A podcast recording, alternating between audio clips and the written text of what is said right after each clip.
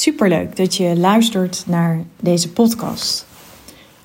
Nou, deze podcast die. ehm, ik ben geïnspireerd. Van de week was ik op het ehm, event van eh, Suus, Suus van Schaik. En zij, eh, zij is mijn eh, business coach. Ik zit bij haar in de Real Deal. En ehm, Suus vroeg mij een tijd terug om mijn verhaal te delen tijdens haar event. Ik heb best wel een behoorlijke transformatie doorgemaakt. En eh, ze vroeg mij om mijn verhaal te delen. En toen, nadat ik dat had gedaan, moet ik zeggen dat mijn eh, berichten, mijn DM's op Instagram eh, overlopen. En ik krijg ook ontzettend veel berichten op LinkedIn. Klaarblijkelijk zijn er meerdere vrouwelijke ondernemers die in dezelfde situatie verkeren als dat, als dat ik zat.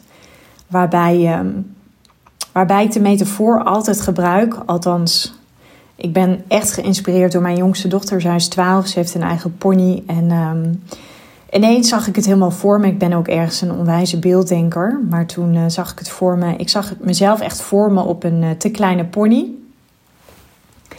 En ik was toe aan dat racepaard. En het interessante is dat ik het. Uh, ik had het op een gegeven moment toen ik het. Toen deze metafoor ineens binnenviel, had ik het met mijn jongste dochter over. Uh, nou ja. Wat doe je op een gegeven moment, Fleur? Mijn jongste dochter heet Fleur. Wat doe je op een gegeven moment als die pony te groot wordt? Nee, sorry. Als jij te groot wordt voor die pony. En wat betekent dat dan en hoe constateer je dat dan? En toen bedacht ik me ineens: wauw, dit is eigenlijk een super mooie metafoor om aan te kunnen duiden dat je voelt dat je toe bent aan een volgende stap. Die altijd onverwachts komt, want ik geloof niet in het juiste moment. Waar ik in geloof is dat je zelf dat juiste moment creëert. Want als je op het juiste moment gaat wachten, dan. Uh, ja, dat komt niet, dat weet jij ook. Dat is iets wat je zelf uh, mag laten ontstaan.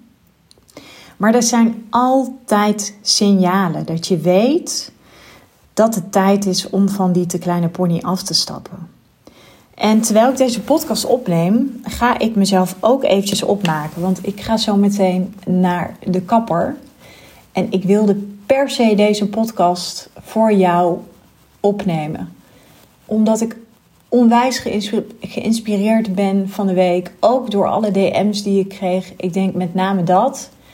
Alle hartverwarmende berichten naar aanleiding van mijn, uh, nou ja, van mijn uh, talk bij Suus op het podium. En toen bedacht ik me, ja, ik ga gewoon eventjes een podcast opnemen. En ik ga je vooral meenemen in de hoe. Hoe is het nou bij mij ontstaan? Hoe ontdekte ik dat ik op een te kleine pony reed. In combinatie met dat ik dat op twee hele belangrijke vlakken ontdekte in mijn leven. Want dat was zowel in mijn business als in mijn relatie. En ik denk dat ik uh, je even meeneem in hoe dat is ontstaan. Ik heb heel lang heb ik uh, de low-end markt bediend. Ik had daar een doelgroep. En uh, ik was altijd druk bezig met de ads, het optimaliseren. Ik had natuurlijk een funnel, je kent het wel. Een webinar, een weggever. Nou, al dat soort dingen. Dus ik bediende de massamarkt. En uh, nou, ik moet heel zeggen, eerlijk zeggen, ik was daar heel snel heel succesvol in. Ik heb nooit moeite gehad met het geven van webinars. Ik heb ook nooit moeite gehad met het schrijven van content. Dus als je het hebt over het stuk sales en marketing. En voor de mensen die human design doen of hebben gedaan, of ik ben een manifester. Ik weet er echt helemaal niets van hoor. Dus ik ga nu ook zeker niet doen alsof ik een expert ben. Maar ik heb ook, schijn ook op het gebied van sales en marketing. Dat schijnt mij van nature heel goed af te gaan. Nou ja, ik vertaal marketing altijd naar laten zien dat jij je ideale klant begrijpt. En sales is niets meer dan mensen helpen. We maken het soms allemaal veel te groot. Maar goed, ik zat natuurlijk volop in die low-end markt. En uh, ik voelde ergens al, ik, ik haal geen vervulling hier meer uit. En ehm, ik merkte ook dat ik mijn doelgroep onwijs, uh, ja, hoe noem je dat, ontgroeid was. Ja, en dan, dan gaat het echt wringen. Als je dat voelt, als je eigenlijk voelt van ik ben nu een type klant aan het helpen die gewoon niet meer bij mij past. En dat is normaal, hè? dat is niet om te oordelen, maar zo werkt het. In het ondernemerschap groei je gewoon ontzettend snel. Dus het hoort erbij. Het hoort echt bij het proces van groei en ontwikkeling. Iedereen gaat op een bepaald moment, als je een dienstverlenende ondernemer bent en je groeit, of als groei een van je kernwaarden is, dan gaat dat gebeuren. Nou ja, ik merkte dat. Maar in alle eerlijkheid, en dat is echt ook geen verwijt naar mijn partner, ehm, mijn ex-partner moet ik zeggen,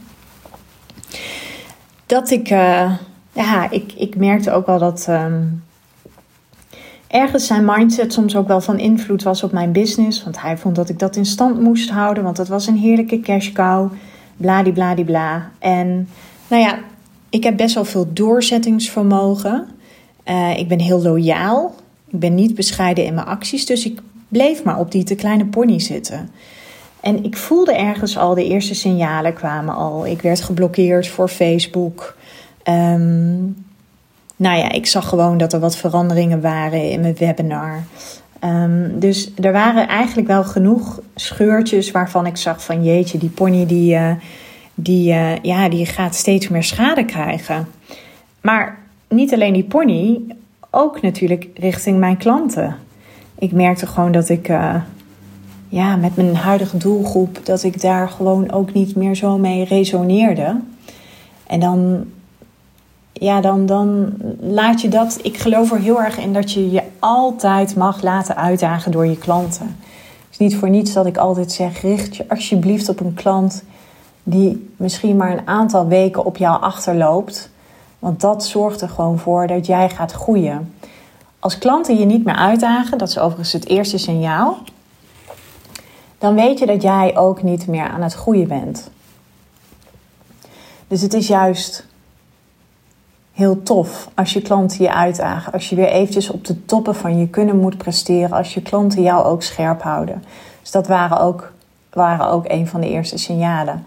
Daarnaast had ik een fantastische mooie omzet, maar ik had ook gewoon hele hoge marketingkosten. Plus een online programma lijkt heel mooi en lijkt heel passief. Maar laten we heel eerlijk zijn, het is helemaal niet zo passief. Want je hebt een funnel die je moet optimaliseren. Je hebt constant nieuwe ads. Nou, ik adverteerde op zowel YouTube als op Facebook. En ja, daar zit gewoon best wel wat werk in. En natuurlijk had ik ook al wat teamleden, want ik was steeds meer aan het investeren in de achterkant van mijn bedrijf. En ik weet nog dat wij in augustus op vakantie gingen. We gingen naar Italië. De eerste week hadden we een fantastische week. De tweede week hadden we een huis gehuurd. En uh, ik heb die week zo ruk geslapen. Zo ontzettend slecht geslapen. En ik ben echt van nature ben ik gewoon echt een hele goede slaper. En daar niet. Ik maakte me zorgen om mijn business. Ik voelde dat mijn lijf me iets wilde vertellen, maar ik kon de vinger er niet op leggen. En nou ja, weet je, dat was al dat mijn onderbewuste natuurlijk tegen mij sprak dat ik iets in stand aan het houden was. En toen ging ik natuurlijk ook ergens wel reflecteren, want juist doordat ik zo slecht sliep, had ik ook wel weer voldoende tijd om te kunnen reflecteren, om te kunnen journalen. Nou, dat heeft me enorm goed gedaan. Dus dat is ook wel een mooie tweede tip naar jou toe. Of een tip. Ik hou eigenlijk helemaal niet van podcasts met tips erin. Dus ben ik gaan journalen. En juist door het veel te schrijven kom je vaak wel bij de kern van wat je tegenhoudt. Nou, en ik merkte gewoon wel aan mezelf dat ik, um, ja, dat ik een business in stand aan het houden was waar ik helemaal niet meer gelukkig van werd. Want ergens ben ik, sta ik juist heel erg voor, um, ja, voor, voor hoogwaardige relaties. Ik heb een, uh, een hele kleine inner circle. Daar heb ik al een aantal jaren geleden heb ik die al um, verkleind, vernauwd. Omdat ik op een gegeven moment wist van energie staat bij mij op nummer 1. En ik weet gewoon dat de mensen om je heen, die hebben gewoon heel veel, energie, heel veel invloed op jouw energie. Zelfcare is voor mij belangrijk. En um, nou ja, dus ik wist um, ik wist al wel dat ik, uh, dat ik iets in stand aan het houden was. Ja, waar ik gewoon niet meer de diepe vervulling uithaalde. En ik merkte ook aan mezelf dat ik ben van nature, houd ik heel erg van kwaliteit. Ik durf echt wel te zeggen dat ik een classy vrouw ben. Um, ben ik van, hou ik van diepgang. Ik heb ergens ook wel een enorme luchtigheid. Want ik, uh, ja, ik weet niet of mensen dat van mij weten, maar de mensen die mij echt heel goed kennen. Ik, uh, ik heb altijd uh, enorm veel humor gehad. Mijn ouders typeerden mij als klein meisje altijd als een clown. Ik deed, speelde altijd typetjes. Ik pakte altijd de microfoon en dan ging ik zingen op de muziek van André Hazes. Wel als ik me veilig voelde hoor. Als we op vakantie gingen, dan. Uh, ik ben de middelste. Ik moest heel vaak ook in het midden zitten. En dan ging ik, uh, speelde ik altijd goede leliekens. Dus ik was altijd, ik kon altijd zo opgaan in mijn fantasie. Maar ik had ook wel, ik was echt een vrolijk kind. Ik was wel verlegen. Ik was niet enorm haantje de voorste. Maar ik was wel heel goed en ik had altijd wel een soort van. Ja, ik was een clown. Ik kon altijd enorm lachen, plezier maken. En uh, daar was ik wel ook een beetje aan het op inleveren, al een aantal jaar. Ik werd eigenlijk soms. vond ik mezelf veel te serieus. Ik nam het leven soms veel te serieus. Wat me overkwam nam ik soms veel te serieus. Dus het mooie is ook wel, door juist zeg maar te journalen en zo, kwam ik er ook steeds meer achter. Dat ik dacht van ja, ik was ook steeds meer van mezelf aan het inleveren. En dat had natuurlijk ook te maken met type klant wat ik bediende, de relatie waarin ik zat. En um, uiteindelijk, ja, merkte ik ook, oké, ik ben eigenlijk, uh, tuurlijk, ik ben aan de ene kant serieus, ik ben luchtig. Want ik, ik laten we alsjeblieft met z'n allen het leven niet te serieus nemen. En tegelijkertijd laten we het leven juist heel serieus nemen. Want daar gaat deze podcast ook over. Want juist als je het leven serieus neemt en jezelf neemt, ben je ook in staat om een grote transformatie te realiseren. Maar tegelijkertijd ook met een knipoog naar het leven. Want ik denk juist dat we soms allemaal de dingen veel te veel serieus nemen soms ook een beetje doorslaan in spirituele ontwikkeling. Um, tuurlijk, ik heb absoluut een heel spiritueel randje, maar ik ben ook zo aards als het maar zijn kan. Soms zweven we ook met z'n allen weg. Wat allemaal mooie alibis zijn om niet in actie te komen of om niet je huidige strategie onder de loep te nemen. Maar goed, dus ik ging ook voor mezelf ging ik eens kijken van, ja, wat, wat, zijn, wat past dan bij mij? Waar sta ik dan voor? Nou, wat ik zei, ik ben er niet voor de massa. Ik ben uh, classy. Ik heb best wel een onconventionele mening. Ik vind iets van ons huidige schoolsysteem.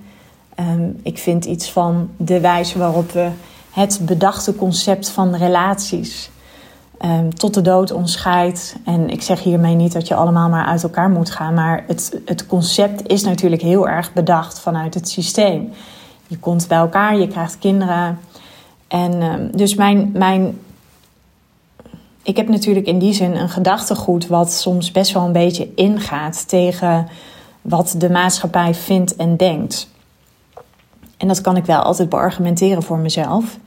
Dus ik kwam er steeds meer achter dat ik dacht van ja, ik ben er helemaal niet voor de massa. Ik sta juist voor kwaliteit. Ik sta juist enorm voor waarde. Ik sta voor diepgang. Tegelijkertijd sta ik ook voor een bepaalde luchtigheid. Ik um, kan enorm veel humor hebben en zelfspot. Um, zelfs enorme schunnige humor.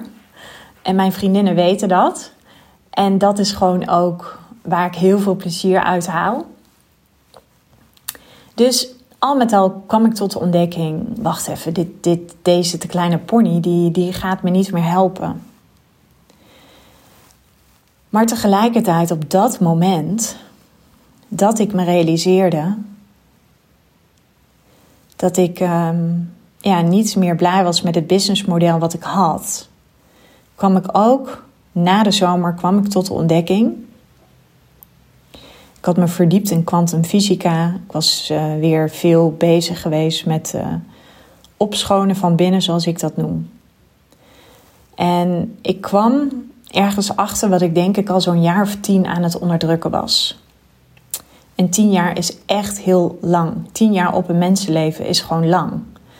En ik wil er geen oordeel over hebben, want als ik er nu een oordeel over heb, dan zit ik de boel weer helemaal vast.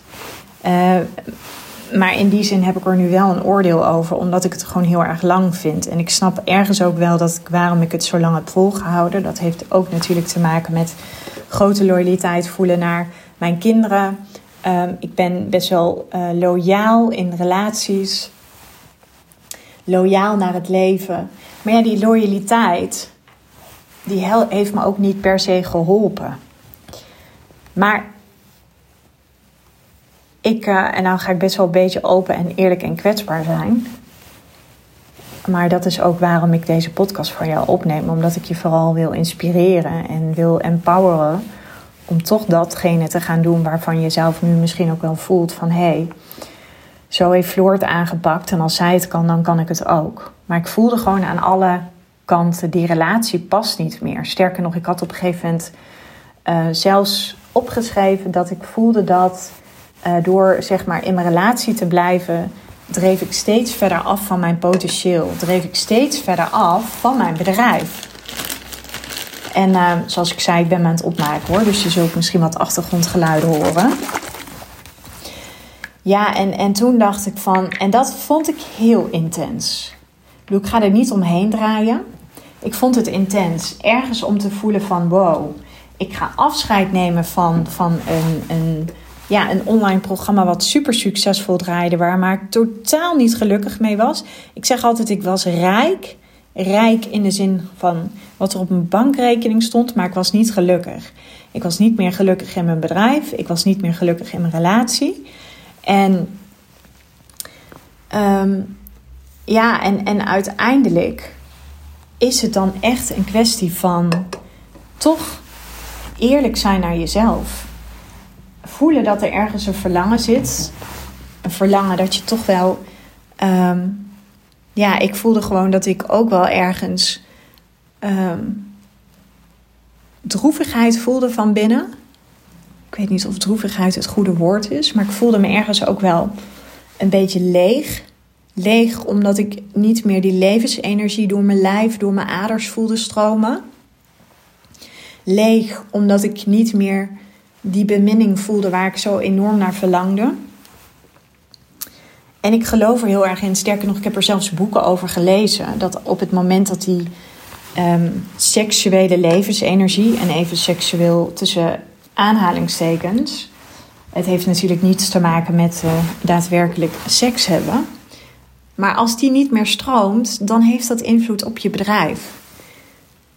En ik weet niet of je het boek hebt gelezen van Napoleon Hill van Think and Grow Rich. Nou, dat is, is zelfs een heel hoofdstuk gewijd aan seksuele levensenergie. En ik vond dat al toen ik dat las, ik denk dat dat al een paar jaar geleden is. Toen vond ik dat al best wel confronterend. En toen voelde ik al van, oh kak, dit is op mij van toepassing en ik heb dat niet op orde. Dus, maar ja, weet je, zoals we als mens zijn, we zijn er meeste in om onszelf voor de gek te houden. Hè? Ik bedoel, ik zie het ook in gesprekken die ik bijvoorbeeld wel eens heb met, met potentiële klanten. Als je het dan altijd hebt over, ja, ik noem het even excuses die worden gebruikt of bezwaren in salesgesprekken. Geen tijd, geen geld, geen energie, niet het juiste moment. Ja, jij en ik weten net zo goed dat dat altijd vaak excuses zijn. Excuses uiteindelijk om het wel te gaan doen. Um, en het mooie is ook wel, het gros van de vrouwen is niet bang om te falen, maar bang om te stralen. En uh, bang om te stralen is nog groter dan bang om te falen, omdat ja, als jij gaat stralen, wat gebeurt er met jou? Je gaat veranderen, je gaat misschien kritiek krijgen. En waar um, mannen over het algemeen, als ze um, direct overkomen, dan worden ze vaak gezien als een leider. Maar waar vrouwen veel meer voor zichzelf gaan staan en veel meer uitgesproken zijn in hun mening, worden ze vaak gezien als een bitch. En dat is ook waarom het gros van de vrouwen bang is om te stralen en niet zo bang is om te falen. En natuurlijk heeft het ergens ook een functie. Het heeft een functie om jezelf klein te houden. Het heeft een functie om mee te gaan in je angst. In mijn geval heeft het heel lang een functie gehad om niet aan mezelf toe te geven dat ik mijn bedrijf mocht doorontwikkelen. Het heeft heel lang een functie gehad waarbij ik niet eerlijk was naar mezelf, dat ik al lang voelde dat mijn relatie niet meer paste. En die functie was dat ik de boel bij elkaar wilde houden. Ik wilde er ergens um, wilde ik geen afbreuk doen naar mijn um, um, klant van destijds. Ik verdiende daar heel goed mee. En ik wilde natuurlijk mijn uh, ex-partner en mijn kinderen wilde ik ook niet tekort doen. Dus het heeft altijd een functie. En dat is ook zo interessant. We doen iets, we houden iets in stand. En dat doen we altijd met een reden. En dat komt omdat het ons ook altijd iets oplevert. Zo is het natuurlijk met ieder copingmechanisme. Het levert ons altijd ook iets op. Maar goed, wat ik zei, ik was van binnen was ik wel langzaam aan het sterven. En um, niet om het verder heel dramatisch te maken, maar dat was gewoon echt, echt een feit. En ik voelde ook aan alles dat ik dacht van, ja, ik was toen 42, ik ben nu inmiddels 43, ik ben 6 maart 43 geworden. Weet je gelijk dat ik een vis ben. En, uh, maar ik voelde gewoon dat ik, uh, ja, dat ik een keuze mocht gaan maken. Oké, dan kom je op dat moment. En het is natuurlijk zo, ik heb daar regelmatig gesprekken, gesprekken over gehad met, met mijn ex-partner. Maar dan is het een kwestie van, en daarom ben ik denk ik best wel bold, heel erg blijven vertrouwen in de toekomst. Als ik iets de afgelopen jaren getraind heb in mezelf, is het de spier van vertrouwen. We hebben namelijk nul, maar dan ook nul garanties en zekerheid in het leven. Alleen we denken heel vaak dat we zekerheid en garanties hebben, maar die hebben we niet. En ook weten dat als je een verlangen hebt om het anders te gaan doen, dat dat altijd gepaard gaat met angst. En dat dat oké is. Dat je ook tegen jezelf mag zeggen: Oké, ik vind het uitdagend. Oké, ik vind het spannend. Maar ik ga het wel doen. Ik ga wel voor mezelf kiezen. Ik ga wel mijn hart volgen. En um, omdat ik zelf al best wel lang hiermee geworsteld heb. Ik denk zo'n tien jaar. Ja, en uh, uh, uiteindelijk besloot ik toch om die knoop door te hakken. En het mooie is, ja, hoe doe je dat dan? Dat was de meest gestelde vraag die ik heb ontvangen in mijn DM. Ja, hoe doe je dat? Door toch het gesprek aan te gaan. Het gaat met kleine stapjes. Het is niet gelijk een grote stap. Maar vaak begint het wel met dat je het gaat uitspreken. Dat je het gaat uitspreken naar je partner. Dat je het bespreekbaar maakt. Dat je kijkt of er ergens nog ruimte zit. Maar ik ben altijd wel een beetje een soort van alles of niets geweest. Ik voelde nergens nog een, niets in mijn hele lijf. Ik voelde nergens nog een vezel die zoiets had van: oké, ik ga er nog even voor en ik ga er nog het beste van maken. Nee, dat gevoel heb ik gewoon niet gehad. En tuurlijk vond ik het rete uitdagend. Ik ben altijd heel erg bewust van ik ben me heel erg bewust van welke woorden ik gebruik. Want als ik ang en uh, eng en spannend en zo, ik zeg meestal uitdagend. Tuurlijk vond ik het super uitdagend om die keuze te maken. Maar ik zal je wel vertellen, zodra ik had uitgesproken, en ik denk dat het universum me daarin echt beloond heeft. Ik heb het uitgesproken dat ik uh, mijn standaard ging verhogen. Dus ik ging mijn standaard verhogen. Maar dat betekent ook dat als je je standaard verhoogt op het gebied van um, hoe je in het leven staat en hoe je je business wil runnen, dan krijg je ook op dat nieuwe standaard, krijg je natuurlijk ook nieuwe levenslessen. Maar juist omdat je bewust kiest voor je standaard te verhogen, geef je daarmee aan richting het universum, ik ben klaar voor een niveau hoger. Ik kan het aan. En natuurlijk word je altijd getest in hoe sterk je bent. En natuurlijk heb ik gedacht van holy shit, ik ga mijn bedrijf doorontwikkelen. Ik heb geïnvesteerd in een traject waar ik een heleboel geld voor heb neergelegd. En tegelijkertijd besloot ik op dat moment ook om een relatie ja, te beëindigen. En toch voelde ik iedere keer dat ik heel veel vertrouwen had in de toekomst. Dat ik vertrouwen mocht hebben in de toekomst. En dat ik um, alsof je geleid wordt. En dat klinkt misschien een beetje vaag, maar het gevoel hebben van: oké, ik word geleid. En het, het, was ook wat ik, wat ik zelf zeg maar van binnen voelde, is dat ik steeds meer ervaarde dat ik steeds meer tot ehm, ik kwam steeds dichter bij mezelf. Ik werd steeds meer die oude Floor. En misschien wat, wat nog wel het belangrijkste is, en dat is misschien voor jou wel heel interessant, is dat ik, omdat ik al zo lang twijfelde, omdat ik al zo lang mezelf afvroeg, past deze relatie wel? Op het moment dat je je dat afvraagt, heb je eigenlijk je antwoord al. Want we twijfelen allemaal wel eens in het leven. Maar als het een langdurige twijfel is, en er staat natuurlijk niet een termijn voor, maar we weten het vaak al lang. We weten vaak al lang. En dat is wat ik bedoel. We zijn er meester in om onszelf voor de gek te houden. En we weten vaak al lang dat we iets in stand houden wat niet meer past. En dan vraagt het gewoon om eerlijkheid. Dus de eerste stap is natuurlijk vaak het niet langer meer ontkennen, maar het erkennen. Zonder dat je er per se iets mee moet. Het kan heel erg helpen om het gewoon uit te spreken. Om het gewoon eens met iemand te delen. Ik heb het nooit gedeeld. Had ik zeker moeten doen. Dus als ik iets heb geleerd van deze situatie, is dat ik veel meer dat al eerder met uh, dierbaren had mogen delen. Maar als je het juist uitspreekt naar iemand waarbij je jezelf nog toestemming geeft: oké, de eerste stap is het uitspreken, de eerste stap is het delen. Dat doet al zoveel, maar dan zet je al wel iets in gang dan geef je eigenlijk al het signaal af naar jezelf: oké, dit is de eerste stap. En ik ben klaar voor de volgende stap. En vanuit dat delen met een ander, met iemand die heel dierbaar voor je is.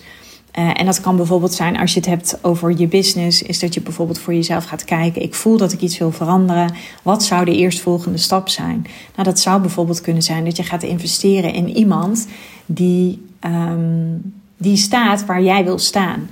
Plus, wat ik op een gegeven moment wel geleerd heb, is dat ik in al mijn acties uit mag gaan van de toekomstige versie van mezelf. Dus ik neem niet zozeer besluiten vanuit mijn huidige situatie, maar veel meer vanuit mijn toekomstige situatie. En toen bedacht ik me, dit is zo niet congruent met wat ik teach. Ik teach juist heel erg dat vrouwen voor zichzelf mogen kiezen, voor zichzelf mogen gaan staan. Dat je business kan doen in je BH als je dat wil. Omdat onze maatschappij ooit heeft bedacht dat vrouwen vooral niet te sexy mogen zijn en noem maar op. Um, um, welk signaal zou ik afgeven naar mijn meiden als ik was doorgegaan met mezelf blijven onderdrukken? Ik wist dat er veel onderdrukking zit in mijn vrouwenlijn. Dus ik voelde ook dat ik op deze aarde was. En nogmaals, dat klinkt misschien een beetje zweverig. Maar ik voelde aan alles dat ik op deze aarde was om ergens dat patroon te doorbreken. Dus het was aan mij om dat systeem van herkomst niet meer loyaal te zijn. Maar ik ben heel erg. Um, ik, ik heb een hoge standaard in loyaliteit. Dus dat was natuurlijk ook. Daarin kwam ik mezelf ook enorm tegen. En dat was natuurlijk ook op het moment dat ik had uitgesproken om te gaan scheiden, waar de meeste weerstand in zat. Op, in de eerste plaats vanuit Ehm, ook vanuit mijn familie. En dat is geen verwijt naar hen, want ik wil gewoon heel open met je zijn in deze podcast. Maar dat was natuurlijk ook omdat ik iets deed uh, waarvan ik wist. Ja, dit, dit, dit gaat tegen die hele lijn in. Dus het was ook heel erg logisch dat ik die weerstand kreeg. Maar goed, even terug naar de stappen die ik heb gezet. Dus uiteindelijk heb ik besloten door gesprekken aan te gaan, ook met mijn ex-partner. En, en toch altijd wel uh, de communicatie open te houden, maar wel eerlijk te zijn. Dus eerlijk te zijn in wat je voelt en waar je behoefte aan hebt. Um, proberen dat ego echt zoveel mogelijk buiten je veld te houden. Want je ego gaat enorm tegen je tegen je tekeer. Je ego wil eigenlijk natuurlijk gewoon dat jij de hele situatie in stand houdt. Jouw ego wil ook dat jij helemaal niet investeert. Jouw ego wil ook helemaal niet dat jij je businessmodel gaat aanpassen. Jouw ego wil helemaal niet dat je stopt met de relatie. Maar dat is logisch. Als je je comfortzone verbreedt, als je ooit hebt gekozen voor een hoge standaard, als je heel erg houdt van groei, dan zijn deze processen onvermijdelijk. En ik zie het zoveel om me heen. Ik zie heel veel krachtige vrouwen op dit moment. Die zitten in een relatie, die weten heel goed wat ze willen, business-wise gezien. Maar die relatie past vaak niet meer. Uh, soms zelfs dat de partner um, hun, hun klein houdt. Um, je ziet vaak een enorme um, disbalans in die polariteiten. Dus in die mannelijke en die vrouwelijke energie. En uiteindelijk um, heb ik de knoop doorgehakt. Zonder dat ik enige garantie had op een toekomst waarbij ik in een gespreid bedje terecht zou komen. Ik had geen enkele garantie. Maar dat is natuurlijk ook de hele paradox van het leven. We hebben ook geen garantie. We hebben ook geen zekerheid. Maar ik besloot uiteindelijk, ik dacht: oké, Floor, nu is het tijd om eerlijk te zijn. Die te kleine pony, je stopt met het bedienen van die low-end markt. Je gaat nu je verder specialiseren in het high-end businessmodel. En wat ik dan dus doe, dan koop ik dat in. Dus ik heb dat racepaard heb ik gekocht. En natuurlijk moet ik dat paard leren kennen. Of moest ik dat paard leren kennen.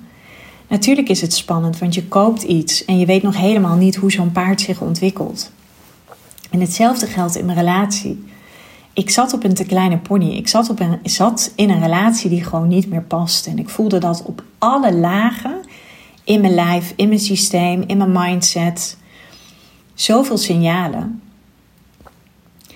En ook daarin besloot ik: oké, als ik dan nu aan het transformeren ben, kom maar op. Weet je, als ik mijn potentieel echt wil leven, maximaal wil gaan voor een leven waarbij je intens mag leven, vol mag leven, vol voor jezelf mag gaan, ook in je grootheid mag gaan stappen. En dan is het echt een kwestie in dat proces om jezelf heel goed voor jezelf te zorgen. Ik zeg, ik heb een kapstok. Voldoende slapen, gezond eten, meer dan voldoende bewegen. Constant werken aan je mindset. En dat is in mijn geval heel erg kijken naar wat is er wel, wat is er wel goed. Ons brein is natuurlijk altijd uit op het uh, waarnemen van wat er niet goed is. Op dagelijkse basis intappen op dat stuk vertrouwen. Zorgen dat ik blijvend aan mijn energiefrequentie werk. En ik zeg niet altijd dat ik in alignment ben, want dat kan niet. Want als je streeft naar altijd in alignment zijn, dan ga je ook heel vlak leven. Want je hebt juist de highs en de lows nodig om juist intens te kunnen leven. Sterker nog, als je nooit faalt, zul je nooit succesvol worden. En ik kan deze podcast denk ik nog wel uren vol lullen. Maar het enige wat ik jou op je hart wil drukken, is datgene waar je nu het meeste weerstand bij voelt. Datgene waar je nu spanning bij voelt. Ik kan je alleen maar zeggen, dat is juist het pad wat je mag gaan bewandelen. Want het feit dat je erover nadenkt, het feit dat er een verlangen is, is al de bevestiging dat je daaraan toe bent, dat je er klaar voor bent. En ehm, ik geloof erin dat het heel vaak hand in hand gaat. Als je voelt dat je toe bent aan een nieuwe stap in je bedrijf, dan zie je ook gewoon heel vaak dat het ergens op een ander vlak, dat je daar ook energie aan het weglekken bent. Want ik vergelijk heel vaak business, liefde, relaties, dat gaat hand in hand met elkaar. Als je niet gelukkig bent in je relatie, gaat het ten koste van je business. En dat heb ik zelf gemerkt. En dat heeft er dus ook voor gezorgd, door deze keuzes te maken, heb ik eigenlijk het signaal afgegeven: ik heb vertrouwen in mijn toekomst. En dat is wat ik jou natuurlijk ook gewoon gun. En uh, ik kan me voorstellen dat deze podcast vragen bij je oproept. Misschien inspireert het je. Misschien geeft het jou net dat setje om te gaan doen wat je nu mag gaan doen. Als jij ook voelt dat je op dit moment op die te kleine pony rijdt en je bent toe aan dat grote paard en je wil heel graag met mij in gesprek over mijn jaartraject de Leading Lady. In de show notes vind je een link. Boek dan eventjes bij mijn call. En dan kunnen we samen bekijken ja, wat er op dit moment speelt en of je er ook echt aan toe bent. Want ik ben ergens best selectief in de vrouwen die ik toelaat, omdat ik ehm, met iedereen persoonlijk echt een connectie wil voelen. En ik moet het ook in je zien. Ik moet ook wel zien dat je toe bent aan die groei. En dat zit hem vooral op het stukje mindset, in je skills op het gebied van leiderschap, en ook of je coachbaar bent En of je ook dat grote geloof hebt in jezelf. Of je ook echt iets durft los te laten. Dus bijvoorbeeld de low-end markten die je nu bedient. Zodat er ruimte komt voor wat anders. En ik ben gewoon zelf enorm voorstander van het high-end business model. Het is simpel, het is moeiteloos. Je kunt het in een paar dagen doen. Je hebt niet een heel groot team nodig. Het enige waar je gewoon vooral jezelf in verder in mag ontwikkelen is heel goed worden in je copy skills, in je marketing, in je sales skills. En dat kan allemaal heel oprecht vanuit je hart. En ik vind het high-end business model is gewoon het meest interessante business model als je gewoon hartstikke winstgevend wil zijn. En als je ook, net als ik, een groot verlangen hebt om geld te verdienen, zodat je vanuit die mindset weer andere mensen nog beter kunt helpen. Zodat jij met jouw unieke bedrevenheid de wereld nog wat verder mooi mag maken. En als dat zo is, dan kom ik heel graag met jou in gesprek. Ik wil je bedanken voor het luisteren naar deze podcast. En um, deel vooral met mij ja, wat het met je heeft gedaan. Ik ga altijd reageren. Dus nogmaals, dank je wel. En, uh, en een mooie dag. Ik bedoel, ik heb deze podcast in de ochtend opgenomen. Ik ga nu vliegen naar de kapper, anders ben ik te laat. En tot snel.